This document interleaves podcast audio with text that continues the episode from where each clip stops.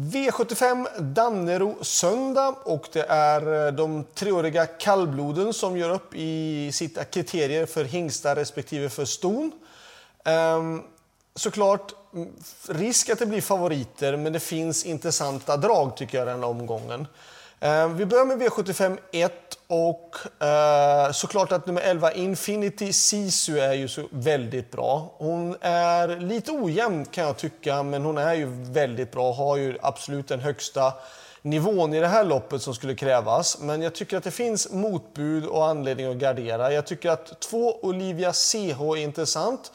Tre, Lavion Rose, 6 Superior Princess och 10 Nykora tycker jag är intressant bakom. Så att 11 och sen där bakom 2, 3, 6, 10 i avdelning 1.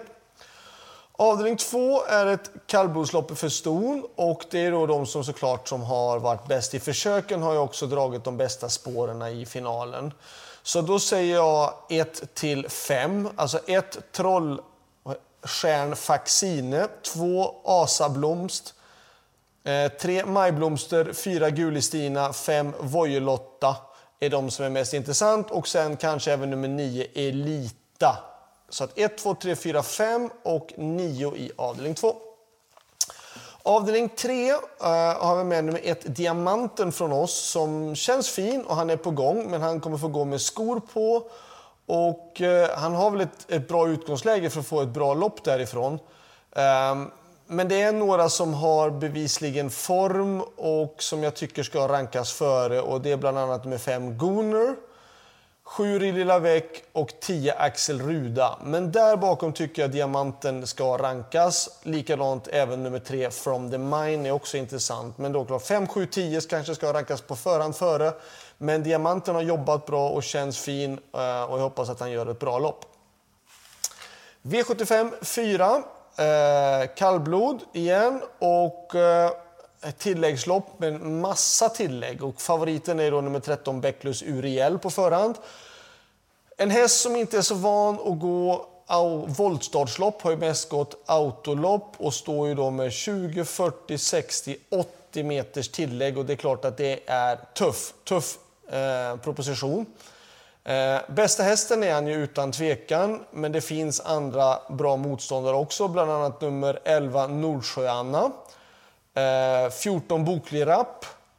5 Kalltekno och 10 Stormyrans Erki tycker jag är intressant också att Ulf Olsson ska köra. Så att, eh, 13 är solklar första häst, där bakom då 5, 10, 11 och 14. V75 5. Ehm, en intressant häst här har jag som ett drag faktiskt. Eh, som har haft lite otur på slutet och galopperat, men jag tycker nummer 10 Oak LA är helt bortglömd. Hästen eh, gjorde ett bra lopp senast, galopperade väl bort en seger då och likadant gången före också. Jag tycker att den blir alldeles för lite spelad och jag tycker att den absolut ska med på spelet.